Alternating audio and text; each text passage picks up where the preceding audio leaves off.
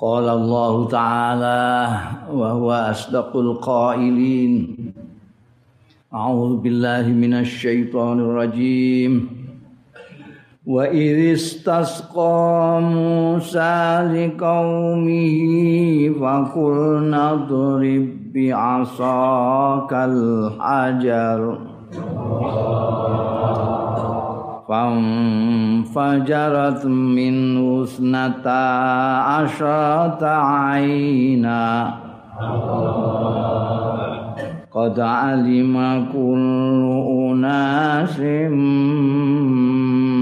مشربهم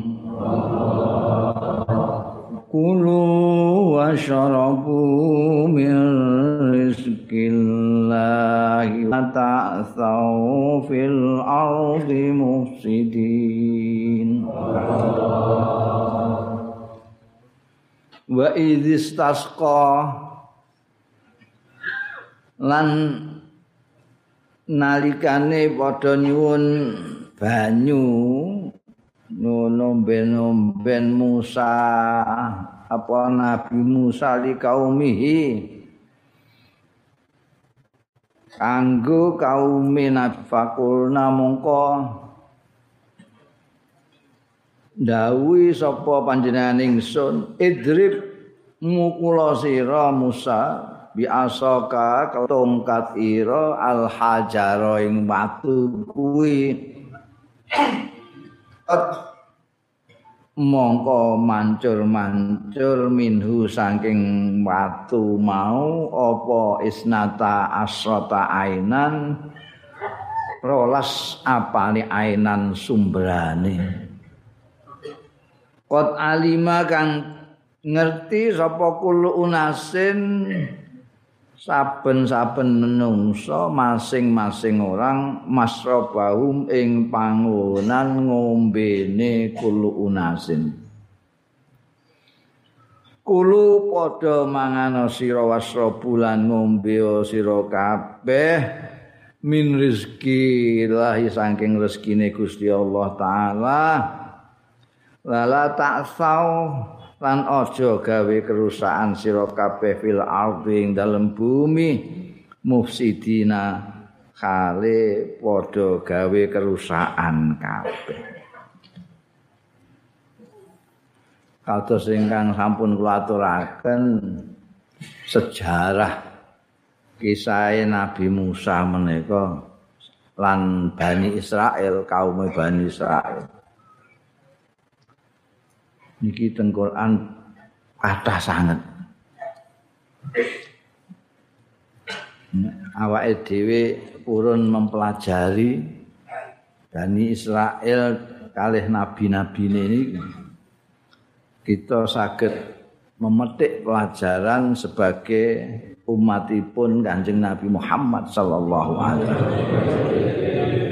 Wonten ayat-ayat saderengipun menika Gusti Allah taala ngemutaken dateng tiang-tiang Bani Israel.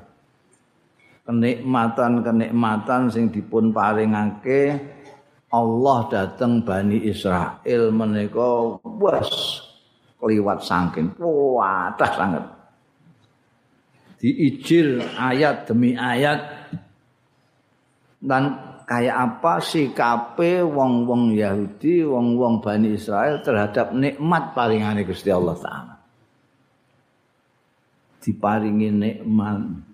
Ora disyukuri, ora ndadekno apik, malah ndadekno ora genah. Niku kathah sanget. Wonten ayat menika dipun emutaken wa il niku nalikane biyen wong-wong Bani Israel itu jaluk diparingi macam-macam Nabi Musa.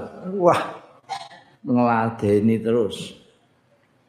Anjing Nabi Musa nyuwun datang Allah Ta'ala pun paringi siraman pun paringi banyu. Hmm. pun jadi jaluk pam. Kalau saat ini pam. lah perusahaan air minum pamrik Nabi Musa nyuwun wae Gusti Allah Gusti niki kaum kula niki panjenengan paringi banyu. Nesane sami syukur dateng panjenengan. Nabi Musa dawuh mukulake tongkate tengene.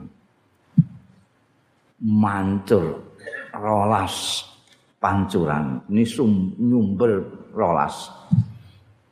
Niku wong Bani Israel menika wonten 12 bani. Bani bani bani bani putune Nabi Yakub menika menjadi 12 bani.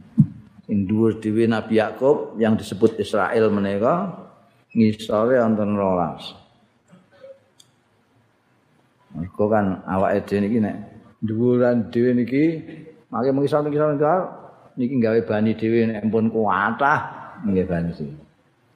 Biyen dhuwur kula niku Bani Khalil. Bani Mustafa. Mudun mudun mudun wonten Bani Bisri.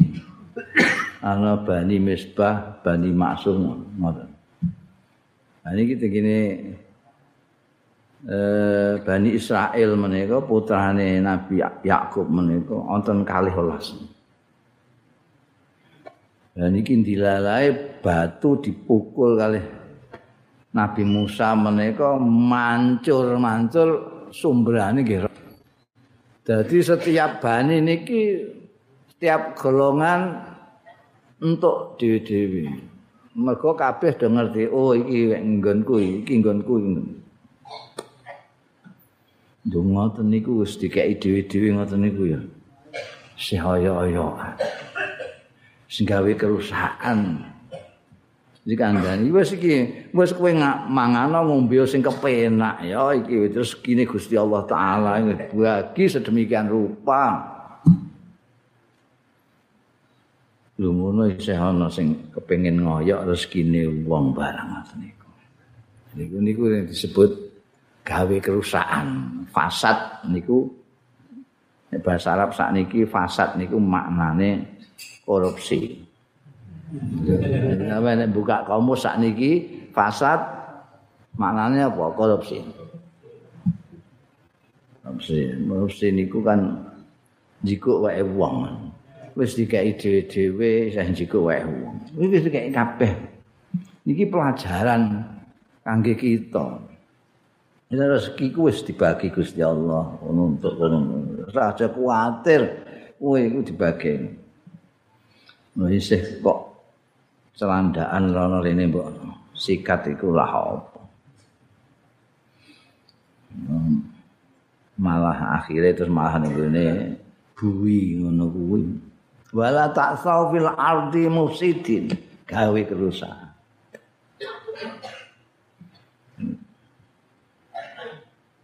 Dan ini kan wis di diweki siji-siji. 12 klan itu 12 ras itu dikasih sendiri-sendiri. Kemudian akhirnya ya saya gegeran. Dilingno niku Bani Israel wong-wong Yahudi sing ning Madinah iki leluhurmu mbiyen kan mereka ngertos ya sejarah nenek moyangnya niki namung ngelingake ya. Biyen tau ngene to, Mane angge il il il. Wa il qultum ya Musa lan nasbir ala ta'amin wahidin fad'u lana rabbak fad'u lana rabbaka yukhrij lana mimma tum tumbitul ard mimma tumbitul ardu min baqliha wa kithaiha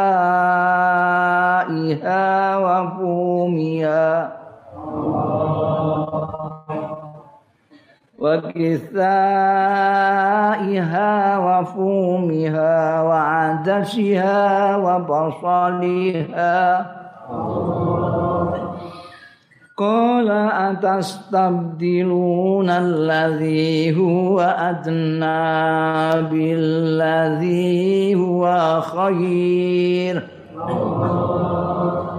alladhi huwa adna billadhi huwa khair Ihbitu misran fa inna lakum ma sa'altum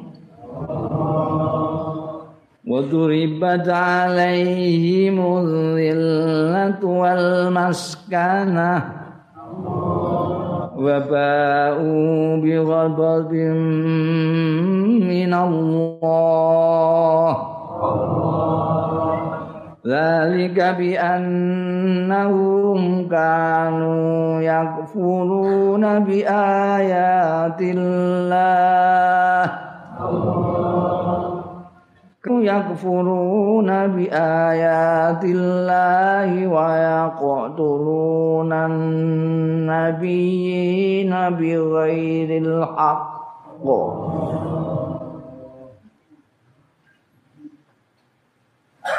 Zalika bima asaw wa kanu ya'tadun.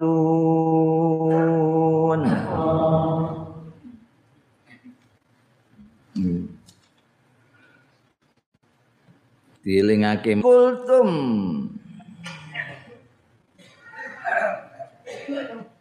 Lan nalikane matur sira kabeh. Ya Musa eh Nabi Musa lan nasbira kita niku mboten sabar. Bosen. Ala amin wahidin ing atase panganan wahidin sing sak macem. Patu mongko mugi nyuwunaken panjenengan lana kangge kita robaka ing pangeran sampean yukhrij mongko ngetokno sapa pangeran jenengan lana kangge kita. Mimma saking barang tumbitul al saking barang sing nukulake apa al-ardu tanah bumi min bakliha saking sayur mayure bumi wa iha lan kisah niku semacam sing bangsane timun krai ngoten timun krai napa malih kisah Mulane ana sing maknani krai, ana sing maknani timun. Niku rumpun rumpun krai sing ngoten niku. Nah niki wonten timun Jepang, barang ngoten niku termasuk kita. Wa fumiha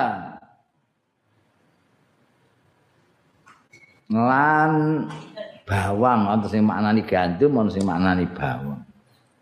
Wa adasiha lan adase bumi. wa basaliha lan brambange bumi kala mongko ngendika sapa nabi Musa atas tabdiluna ana ta padha njaluk ganti sira kabeh allazi huwa adna ing kang huwa utai laziku adna luwih rendah. Bilazi kelawan barang huwa kang utahi lazi ku khairun luwe bagus kepengin krai ngono ae. Ihbitu misran mongko manggono sira. Kabeh misran ing kutha. Ana sing maknani kutha Mesir ana sing maknani kutha ngoten mawon. Misran niku nami maknane asline kutha. Nah, wong wong Mesir ngarani daerah ini paling kutha dari disebut Mesir. Fa inna laku mongko setuhune laku iku tetep keduwe sira kabeh mau tai barang saaltum sing do njaluk sira kabeh. Wa duribat lan den dadekake alaihim ing ngatasé wong-wong Bani Israil apa azil. Wal maskanatu lan kemiskinan. Au cukup wabau. Lan padha bali ya bani Israil bi ghadabin kelawan oleh bentu oleh bentu minallahi saking Gusti Allah taala. Zalika utahe mengkono mau untuk bendu angka Gusti Allah taala mau bi annahum. Sebab setuhune wong-wong Bani Israel kanu ana ya Bani Israel iku yakfuruna padha ngufuri ya Bani Israel bi ayatillahi kelawan ayat-ayat Gusti Allah. Wa yaqtuluna lan padha mateni ya Bani Israel an nabiyina ing nabi-nabi. Bi ghairil haqqi kelawan tanpa alasan sing hak. Zalika utai mengkono mau. Anggone bendu Gusti Allah mau bima asal. Sebab anggone padha durakani ya wong-wong Bani Israel padha dosa Bani Israel. Wa kanulan ana ya wong-wong Bani Israel ku yak taduna iku padha ngliwati wates kabeh. Tiang-tiang Bani Israel yang Yahudi tenggine Madinah dielingake leluhur-leluhure biyen nalika matur niku nabi ne Nabi Musa alaihissalam Nabi Musa. Bosen kok mangan kok mana salwa terus saben dinten. Dikai panganan paling enak dan bergizi. Salwa kalih mana mana menika makanan yang berasal dari tumbuh-tumbuhan. Niku ngandung zat sing khasiate kaya madu. Ora usah. Kangelan nyambut gawe kan jikuki ngono. Ngene niku witan nonton kaya blendok ngoten jikuki salwa niku kula pun matur wingi kaya manuk napa niku. Sing doke cilik-cilik sakniki. Pondok kados puyuh ngoten. Iki dari napa saking hewani wonten saking nabati wonten. Kanggo badan niku apik-apik, apik kok Gusti Allah langsung rasa kangelan. Lho ngoten niku wong Yahudi wong Bani Israel njaluk kalih nabi ini Nabi Musa alaihissalam kan nyuwunake tengene Gusti Allah. Niki bosen ya. Bendina kok mangan ngeten mawon. Padahal wong Jawa mangan sego ora bosen. Hmm. Wong Jawa mangan sego ya nanti bosen belas. Kon ganti liya-liyane semua. Nek durung sego durung mangan. Mangan telo sekilo ya durung mangan. Mangan roti ya durung mangan, durung sego. Niki wong Bani Israel rewel banget. Niki pakanan ngeten terus niki no. Bosen, mboten sampel. Mbok sampean nyuwun tengene pangeran sampean niku. Upaya niki nukulake sayur-sayuran napa napa niku krai napa timun. Gendoyo mongko napa. Kanjeng Nabi Musa. Lho. Kalian ini gimana sih? Kowe iku piye wong diparingi kaya ngono apike kaya ngono hebate kaya ngono nikmate karek njikuk bloko-bloko wis ora usah lapo-lapo. Kok njaluk ijol sing luwih rendah mutune katik ngangelno awak sisan nandur dhisik anu segala macam gizine yo kalah adoh ambekan salwa ambek mana kok njaluk ijol iku mbok sing luwih dhuwur mutune kok malah sak ngisor iku piye kowe lah nek mau terima kepengin sayur-sayuran mbek krai ngono kowe balik ngono ning Mesir Ono kana ya ono ya ini Mesir. Jaluk tulung kan metu ke Mesir. Saiki metu ke Mesir kowe njaluk kepengin klai. Kono balik ke Mesir. Mesir kono akeh kono pakanan kaya sing mbok karepno iku. Ngono, mbok jaluk apa ae kono kabeh niku Mesir. Tapi ya kowe gak kelingan zaman niku di Mesir segala macam ono, sayur-sayuran ono, timun ono, krayon ono, brambang ono, adas ono segala macam tapi kau digencet karo pemerintahane ngambek pirngon. Tulungi saiki jaluk balik nek kan balik. Ibu itu misal Fa innalakum masa'altum. Jadi ku kelakuane manusia. Jadi wah Nabi Musa niku sampeyan saged mbayangake. Nah, dilarakno ati niku ora sepisan pindho kali kaum niku ya Allah. Jaluk ngene. Jaluk dikai makanan sing ora pati nyambut gawe dijik. suwunke salwa mang bariku njaluk meneh kon genti kaya mau neneh sayur mayur. Jenengan perhatiake redaksine wong Bani Israel niku kelakuan ini. Aneh. Dan Israel niku percaya banget kalau Nabi Musa tapi ora gelem gugu Nabi Musa niku padha karo ngandani awake dhewe. Awake dhewe percaya karo kanjeng Nabi Muhammad sallallahu alaihi wasallam. Tapi orang gugu karo Nabi Muhammad sallallahu alaihi wasallam. Nabi Muhammad nganjurno supaya rukun saben dina gegeran terus.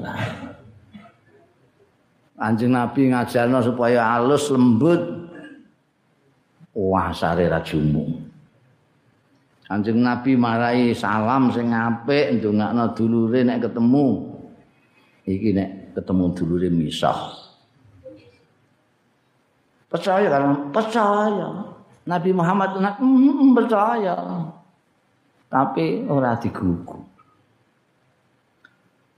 Hmm. Dihormati kelingan politisi-politisi ini menghormati kula tapi ora tau ngrungokno kula. Wah, nyucup tangan barang ngono. Kandhani nggih nggih nggih. tapi ora tau kok panggil. Padahal ora keturunan Bani Israel. Ini ki kok ngertos nek percaya, percaya angger njaluk ning gone Nabi Musa, njaluk Nabi Musa. Njaluk ngombe Nabi Musa. Nabi ngerti Nabi Musa niku sakti banget nyuwun paringi, nyuwun paringi. Nyuwun mesti paringi mesti. Lho ngoten niku. Kiambake tesih muni ud'ulana rabbaka. Kok gak muni rabbana? Jalukno ning pangeranmu. Terus pasane termasuk pangerane ndikne ngono apa Lha kok mundine kok sampean jalukno pangeran sampean ya. Ben dikei krai kita niki. Lho yukhrij lana, lha kok rabbaka. Fatulana. yukhlis lana bareng robak kok gak robana mestine nek wong ngerti niku kan fatulana robbana yukhrij lana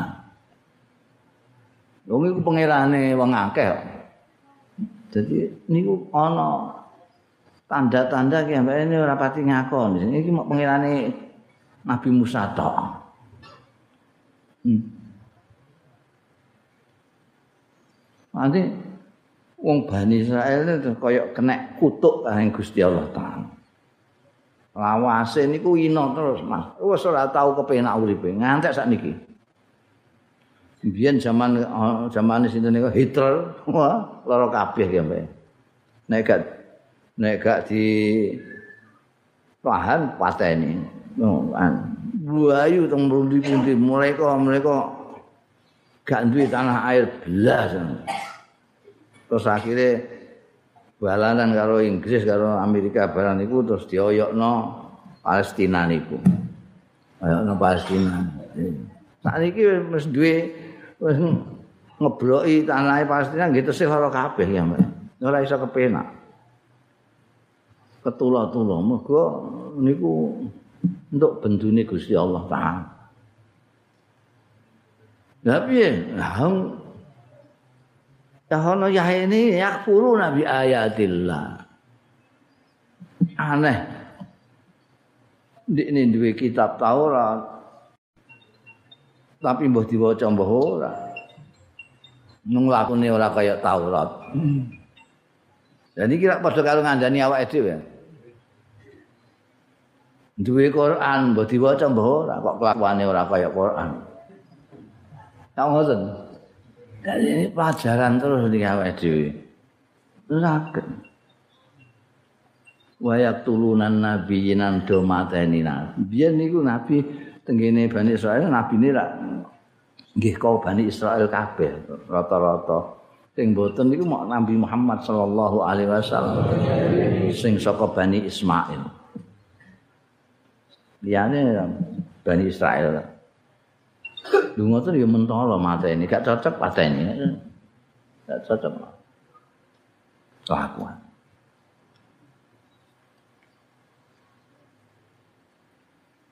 Jadi terus untuk kayak kutukan bendune Gusti Allah urip ora kepenak ino terus lawase butuh terus ora tahu cukup mung Bani. Sebab apa? Sebab ya iku mau durakani Gusti Allah dan keliwat batas. Keliwat batas. Jenengan wingi maos ayat-ayat ini wong ana sing ngene potongane ngliwati wates ndak karo-karo dituruti kabeh njaluk ketemu Gusti Allah jahratan hmm. wis didhawuhi Gusti Allah niku men ndhawuhi Nabi Musa pengendikan nganti Nabi Musa disebut kalimullah mergo didhawuhi Gusti Allah. Ora percaya njaluk ngedeng Gusti Allah niku. Wah, sawamben gelap ndak karu-karuan niku. Lho terus diuripi nek karo Gusti Allah taala. Lho yo kok ngono neh. Niku banget tenan. Ya tadune niku nemen banget. Napa kabeh tiang Yahudi ngoten niku? Napa kabeh wong Bani Israel nganti niki ngoten sedaya? Niki ayat jawabane teng ayat niki. إن الذين آمنوا والذين هادوا والنصارى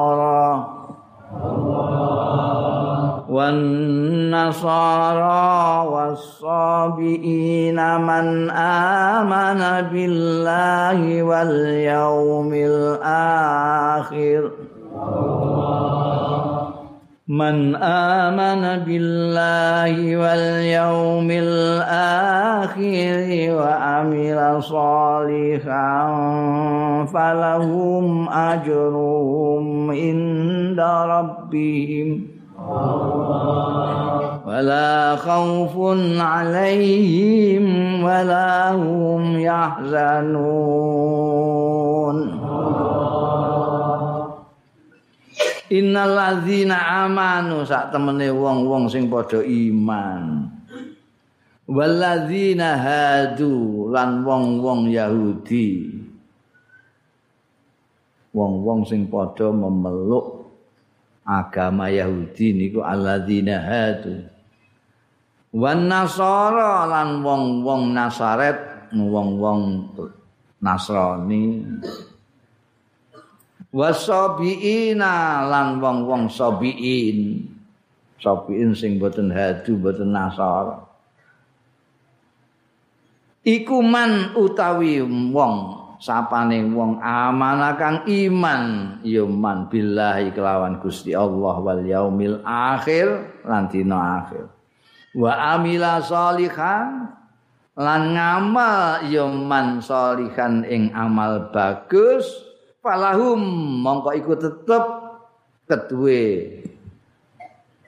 alladzina amanu teman amanah billah mau. Ajruhu mutawi ganjarane man amana inda rabbihim. Ana ngarsane pangerane man amana. Wala khaufun lan ora ana kuwatir iku maujud alaihim ing atase man amana walahum lan ora utahi man amana iku yahzanun iku padha susah kabeh niki ndudono ora kabeh wong-wong sing iman sadurunge Kanjeng Nabi Muhammad sallallahu alaihi wasallam. Wong-wong Yahudi, wong-wong Nasrani, wong-wong sing bangsane wong Buddha, wong an sekapitute lah sing ora ora duwe kitab saka langit. Percaya mbekan dewa sak piturute. anggere iman karo Gusti Allah lan dina akhir gelem ngamal soleh mereka akan dapat pahalanya ndalepi lah sing man amana billahi wal yaumil akhir wa amila solihan menika niku nek kita tingali niku ajarane Kanjeng Nabi Muhammad sallallahu alaihi wasallam. Jenengan bikai Al-Qur'an menika selalu di samping mriki wong-wong musyrikin wong kafirin sak pitulute mriki wonten tiyang sing amana billahi wal yaumil akhir wa amila sholihan tiang-tiang napa mawon Yahudi Nasara apa wae angger iman karo Gusti Allah lan dina akhir ngamale ngamal soleh sesuai dengan iman. Imane iku untuk ganjaran saka pangeran. Ora perlu kuatir. Ora perlu kuatir. Ora bakal susah. Iki berarti leres sedaya. Nah Yahudi Nasrani itu sing keliru kadang-kadang memaknani ini sebagai agama iku apik kabeh. Mboten maknane niku wong sing iman zaman biyen wong Yahudi wong Nasrani agama apa wae janji gelem iman billahi wal yaumil akhir wa amila sholihah wong sing iman billah wal yaumil akhir wa amila sholihah niku wong sing percaya karo Kanjeng Rasul sallallahu alaihi wasallam mergo sing ngendikake pertama kali Kanjeng Nabi Muhammad diutus wonten Mekah menika sing didederake kalih manusa sing didakwahke iman karo Gusti Allah iman dateng dina akhir. Mergo tiyang ingkang iman dateng Gusti Allah lan dina akhir tok sing saged ngamal soleh. Nek ora. Sampeyan mboten percaya kali dina akhir naudzubillah. Sampeyan lah napa sampeyan ngamal apik barang itu. Wong mate ya tek bukan mati wis. Kayak wong-wong kufar Mekah niku ora ngoten. Jadi yang mbak mboten perlu apik-apik niku. ora percaya karo hisab, ora percaya wales, ora percaya swarga, ora percaya sing ning akhirat. Percayane wong ning donya niki tok. Wong sing percayane wong donya tok niki, ya dia ndak kuatir nanti. Wong nek mlebu neraka, aku ora percaya neraka kok. Wong nek ngono gak entuk walesan apik lho. Aku ora percaya mbek swarga. Ya percaya karo akhirat niku. dadekno wong mboten saged ngamal saleh mesti. Mane temriki selalu gandeng dengan Quran niku. Alladzina amanu wa amilus shalihat. Dan nek mau iman tok ora ngamal saleh iku jenenge ngaku-ngaku utawa klenik. Eh, aku pokoknya iman. Oh, enggak sembayang, sembayangku ning ati. niku klenek ngene niku iman ya ana konsekuensinya pada amal soleh mergo percaya nek Gusti Allah nyawang awake dhewe awake dhewe hati-hati Nah, umumnya wong kan mboten. Apike mergo disawang wong. Ora kok disawang Gusti Allah. Buktine apa? Buktine nek ndene kampunge dhewe apike ra karuan. Engko nek ning kutha liya jelalatan. Hmm. Nek sembayang dhewean kaosan oblong sing diwaca ina ta ina karo kulo nek ngimami itu nganggo jas tutup sing diwaca sabihis karo ataka iki kepengin disawang sapa jek Oh, ini kampungnya dhewe khusuk era karuan. Lagi metu kampunge sedelok ngono wis bejijakan ra karuan. Iku njaluk disawang ngono. Nah, ini Gusti Allah. Nah, nek pancen iman karo Gusti Allah, Gusti Allah nyawang awake dhewe terus. Terus nyawang kita. Mbah ning gone langgar, mbah ning masjid, mbah ning pasar, mbah ning terminal, nyawang kita kabeh. Nah, kita kan kadang-kadang rumangsane disawang Gusti Allah mak ning langgar tok iki. ning pengajian iki aku disawang Gusti Allah, aku tak khusuk can. Ning gede pasar wis ora rumangsa blas nek disawang Gusti Allah. Mulane bodoni barang ya kok alem ae. Ulaane 200 muni 250. Mergo rumangsa ora disawang Gusti Allah. Iku sing namine istiqomah. Rabbunallah sumastaqamu menika ora ning pengajian tok, ora ning langgar, ora ning masjid tapi ning terminal ning ngene pasar ning gedung yang terhormat niku kan. Tetep eling karo pangeran. Iman karo Gusti Allah wal yaumil akhir. Ngamali apik. Berarti yang sing ngoten niku ora duwe khaufun alaihim balahum yahzan. Tenggine Quran niku sing didhawuhake Gusti Allah la khaufun alaihim balahum yahzanun menika wong-wong sing muttaqin sing takwa harus. Teng mriki sing iman Gusti Allah iman ning dina akhir lan ngamal saleh. Niku nggih diparingi wala khaufun alaihim balahum yahzan. Terus waline Gusti Allah. Allah inna auliya Allahi la khaufun alaihim wala hum yahzan. Jadi sampean itu jane kepengen dadi wali gampang. Jadi sampean iman karo Gusti Allah dina akhir ngamal soleh wis diwali sampean. Marakno iman karo Gusti Allah iman dina akhir tapi ngamale ra saleh iku apa? Wah. Lha jane iman karo Gusti Allah dina akhir misah fase ngono ya. Nyawang dulure kaya nyawang iblis. Laknati ning dianu. Niku. Ayo. La khaufun la khaufun alaihim malahum yahzanun tegese ya kuwatir wong kok gak dikuwatir tapi kuwatir iku ora sampai mengalahkan alaihim Orang-orang yang iman kalau dina akhir, iman Gusti Allah kalau dina akhir, ngamali soleh, niku umpama kok wedi, niku wedi tidak bisa mengalahkan. Ana wedi sing iso ngalahno, terus lalah apa-apa. Terus wedi, segala macam, terus lalah apa-apa. Nah. mempengaruhi ketakutannya mempengaruhi wedi engko iki nek ngene-ngene.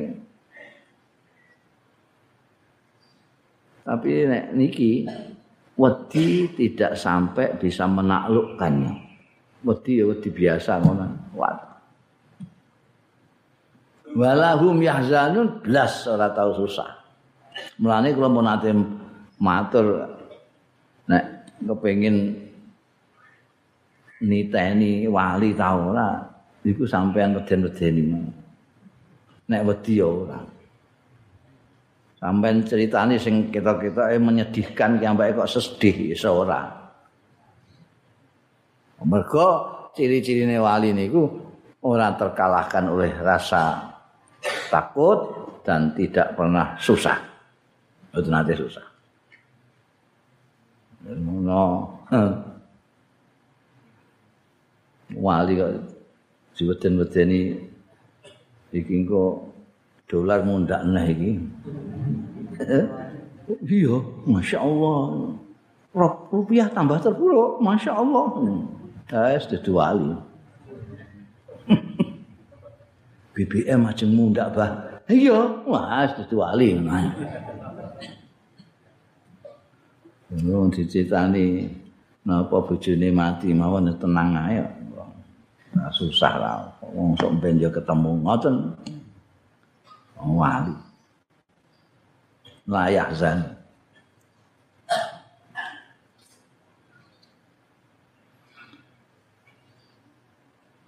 وإذ أخذنا ميثاقكم ورفعنا فوقكم الطور خذوا ما آتيناكم بقوة خذوا ما آتيناكم بقوة واذكروا ما فيه لعلكم تتقون ثم توليتم من بعد ذلك فلولا فضل الله عليكم ورحمته لكنتم من الخاسرين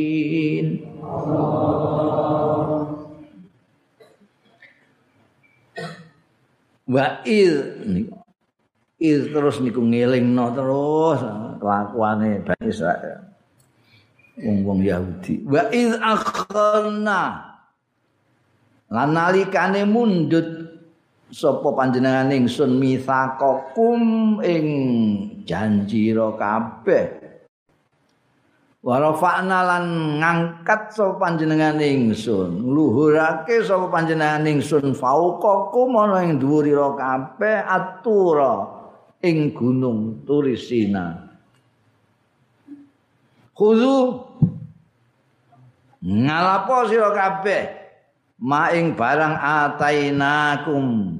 Sing wis maringake tapa ingsun ing sira kabeh.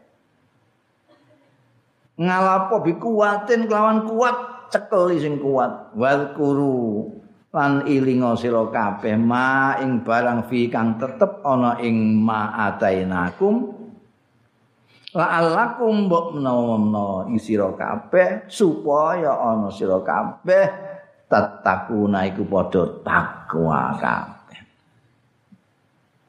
Sumata wallahi itu mongko keri-keri mengo sira kabeh mengo sira kabeh mimbak didzalika sang sakwise mengkono-mengkono mang. Walaula fadlullahi mongko lamun kok ora ana fadlullah utahi fadhole anugrahe Gusti Allah alaikum ing ngatasé sira kabeh. Wa rahmatuhu lan rahmate Allah. Lakuntum mongko yekti ana sira kabeh iku minal khosirin termasuk wong-wong sing padha rugi sing padha tuna kabeh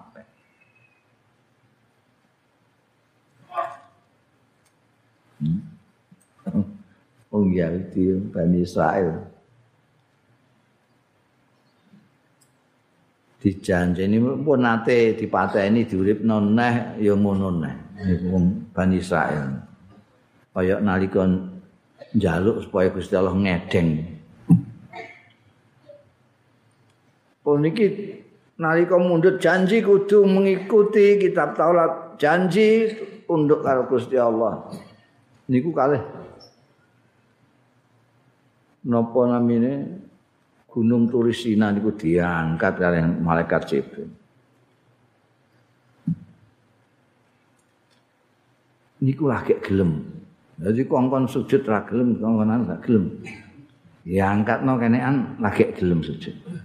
Ngoten mawon sujude embek ngingetin dhuwur. Jadi jare jarene Syekh Sakrawi niku mulane wong Yahudi saiki nek nek sujud iku mripate siji mendhuwur sitoke mengisor. Ngantek saiki mergo biyen niku karo ngawasi ceblok ta ora gunung. Ceblok ta ora. ya. Dadi mangkro wujute iku mangkro ya. Ora kok diawasi niku gunung turisina. Wis dawuhi kan cekel iki Taurat iki tak diparingna Gusti Allah taala iki. Anugerah saka Gusti Allah taala. Cekel sing kuat. Eling-eling isine eling-eling ben kowe iso dadi wong sing takwa. Ndelok niki dadi kitab niku mboten mok diwaca tok. Apa meneh kok mok dipajang ning lemari. tapi kudu dieling-eling isine. Berarti kudu ngerti isine. Ini ki ora mok Taurat tok, Quran nggih ngoten. Quran ora kok mok diwaca tok, apa meneh kok dienggo pajangan tok. Wih, Qurane akiye ta? pembagian kok Kementerian Agama, pembagian kok iki yang pirang-pirang ditata kabeh. Quran nek semono akiye, apike kan. Resik kabeh wong ora tau didemek. umpama maca ya pendak Ramadan. Ngono ae macane ekspres.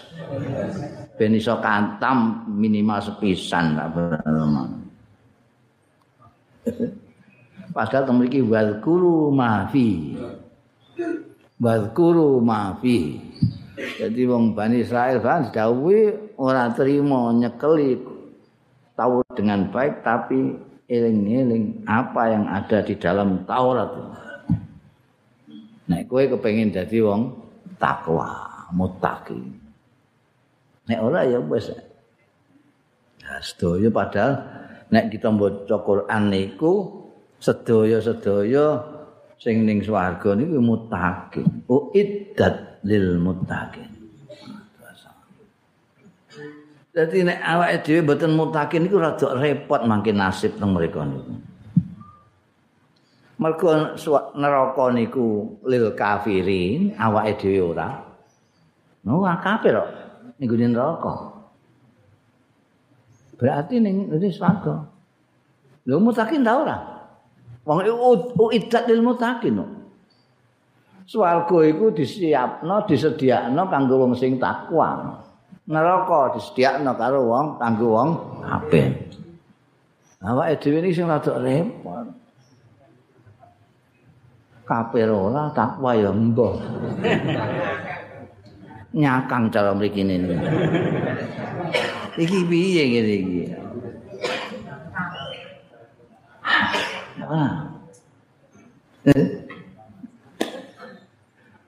nek supaya iso takwa eling-eling mafihi apa sing niku Quran nek ngeling-eling apa sing ana ning Quran ya wae kudu paham Quran ora mau terima maca tok. Supaya paham Quran ya ngaji. Dadi ngoten niku, niku urutane. Mulane awake dhewe ngaji terus sampe minimal angker Jumat. Ngaji sine Quran terus dieling-eling mangke mbiyen ngono maknane ya Allah ya Allah. Lumayan sampean ngoten. Iso la'alaku takun. Hmm bagegeten lah wong-wong kutha-kutha niku. Wah stres-stres. Kembali ke Quran kembali ke Quran. Terus sunah rasul gayane kok yo yo nek ora ngaji sing ngandel sapa? Wong mengetahui isinya Quran harus ngaji ngaji ini orang mau terima ngaji-ngaji. Nah apa ngaji ben al mukarram kiai Google. Aduh ora cukup ora cukup. Ngaji nganggo terjemahan Kementerian Agama ora cukup ra iso. Wong Quran niku mulane ngantek menimbulkan ada ilmu nahwu, ilmu saraf, ilmu balaghah, ilmu Quran, ilmu tafsir, asbabun nuzul. Sak piruten iki niki ilmu-ilmu disebut ilmu alat untuk mengetahui Al-Qur'an. Ngaji. kok gagah-gagahan kembali ke Quran ini dia gak mudeng kembali ke Quran artinya apa ya ngaji ngaji nek ora kabel ngaji nahwu sarab ya malah ning gone kiai sing ngerti nahwu saraf sing ngerti balaghah nek ngerti lughat tok ngerti kamus tok niku mboten cukup. Mboten cukup. Quran menika ora kok kaya bacaan-bacaan umum mboten. Ora kok sampean ngerti ning kamus dibukai. Naladzina itu sesungguhnya orang-orang amanu yang beriman.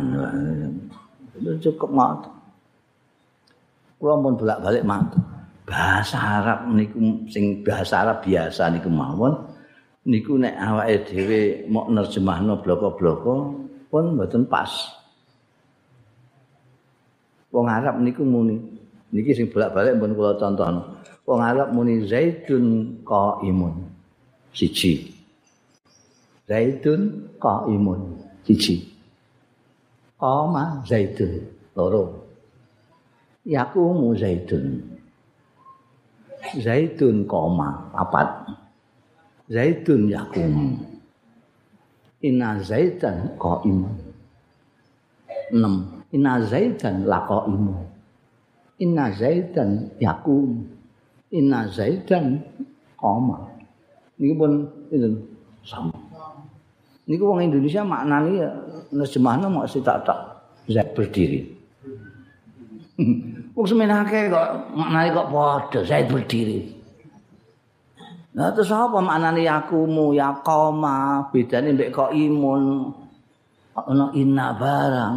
Durung kana zaidun kok iman pirang-pirang dimaknani wong Indonesia mau zaid berdiri. Lah apa meneh Quran? Niku sing sastrane luar biasa tinggi ndak bisa. Dibuka ngono ae.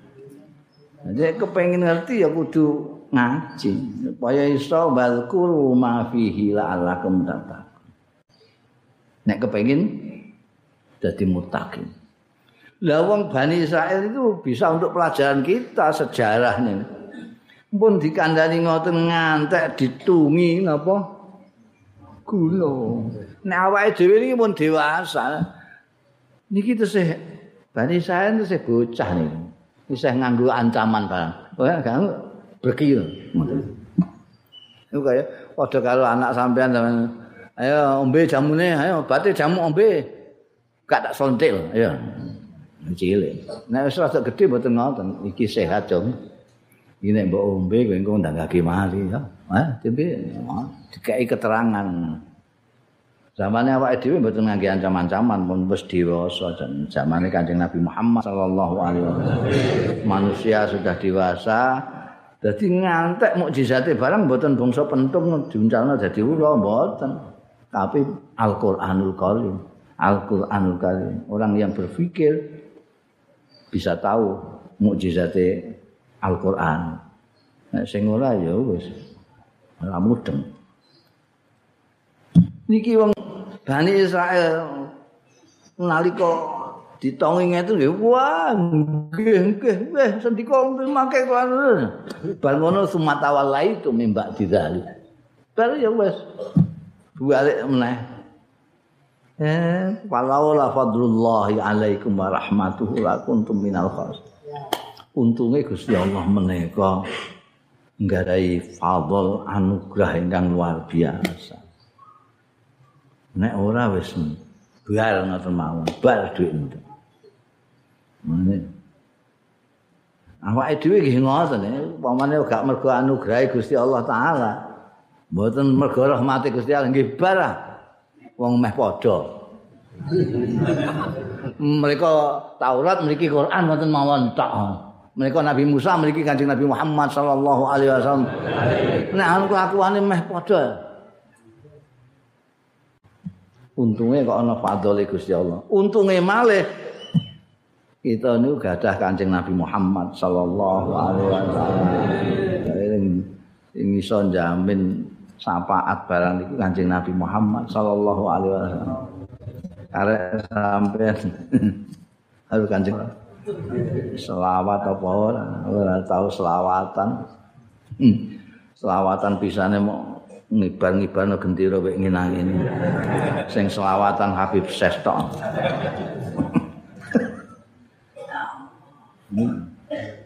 Jadi awake dhewe sekarang nunggu fadhole Gusti Allah taala. Nunggu fadhole Gusti Allah. Nunggu syafaate Kanjeng Rasul sallallahu alaihi wasallam. sing akeh-akeh maca selawat, sing akeh-akeh belajar lakune Kanjeng Nabi Muhammad sallallahu alaihi wasallam. Saisa-isane sampai nisane napa? Niru Kanjeng Nabi saisane. Saisane. ben mangke diakoni umate. Nek gak diakoni untuk syafaat kondi. Iki sapa? Ngoten to payah sampean. Eh biyen abah kula Kiai Bisri Mustafa menika angger tengah dalu niku pas sembayang mesti luap laup cara rembang. Luap laupe selawat. No. Awat maca burdah sak piturute niku mergo nggih mboten wani nyagerno ngamale. Kiai Bisri niku mboten wani mboten wani nyagerno ngamale. Lah apa malih awa-awaan iki. Oh. Kiai Bisri niku ora mau terima mulang, ora terima mubeng-mubeng dakwah ngarang kitab ngantek ngarang kitab tafsir niki iblis. Ora wani nyagerno. Amal. Nyagerno kanjeng nabi. Iki dawuhe bapak kula nabah niku pokoke engko aku nek ning kono Gusti Allah iku tampil dalam tampilan al-adlu al-muntakim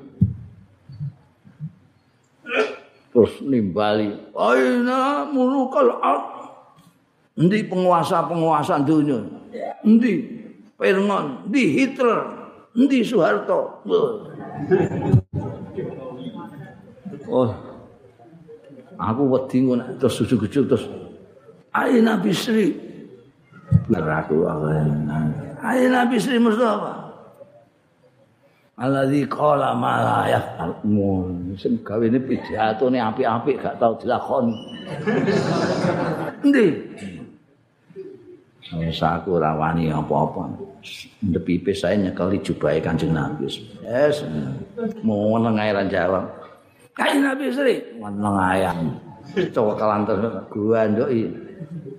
Jubahe Kanjeng Nabi. Ngantek Kanjeng Nabi ngendika. Eh ya Rabb, wa inti. Nggih Gusti niki kalih kula Bisri. Kalau kasih Gusti Allah ya ya. Lah kok nglamun ngoten niku, nglamun. nglamun tapi terus kuwatir kula lagi cekelan ini dikipatno. Iki sapa ya? Nempel ae ora tau. Ora tau nerusno perjuangan. Ora tau nerusno perjuangane Kanjeng Nabi ora tau, selawat ora tau. ngetutno kelakuane ya ora. Njaluk Iya, inti. Mana enak ngono ya digoleki Gusti Allah. Iya, Rob, inti. Wa inti. Niki kalih kula. Wis kalau kekasih wis.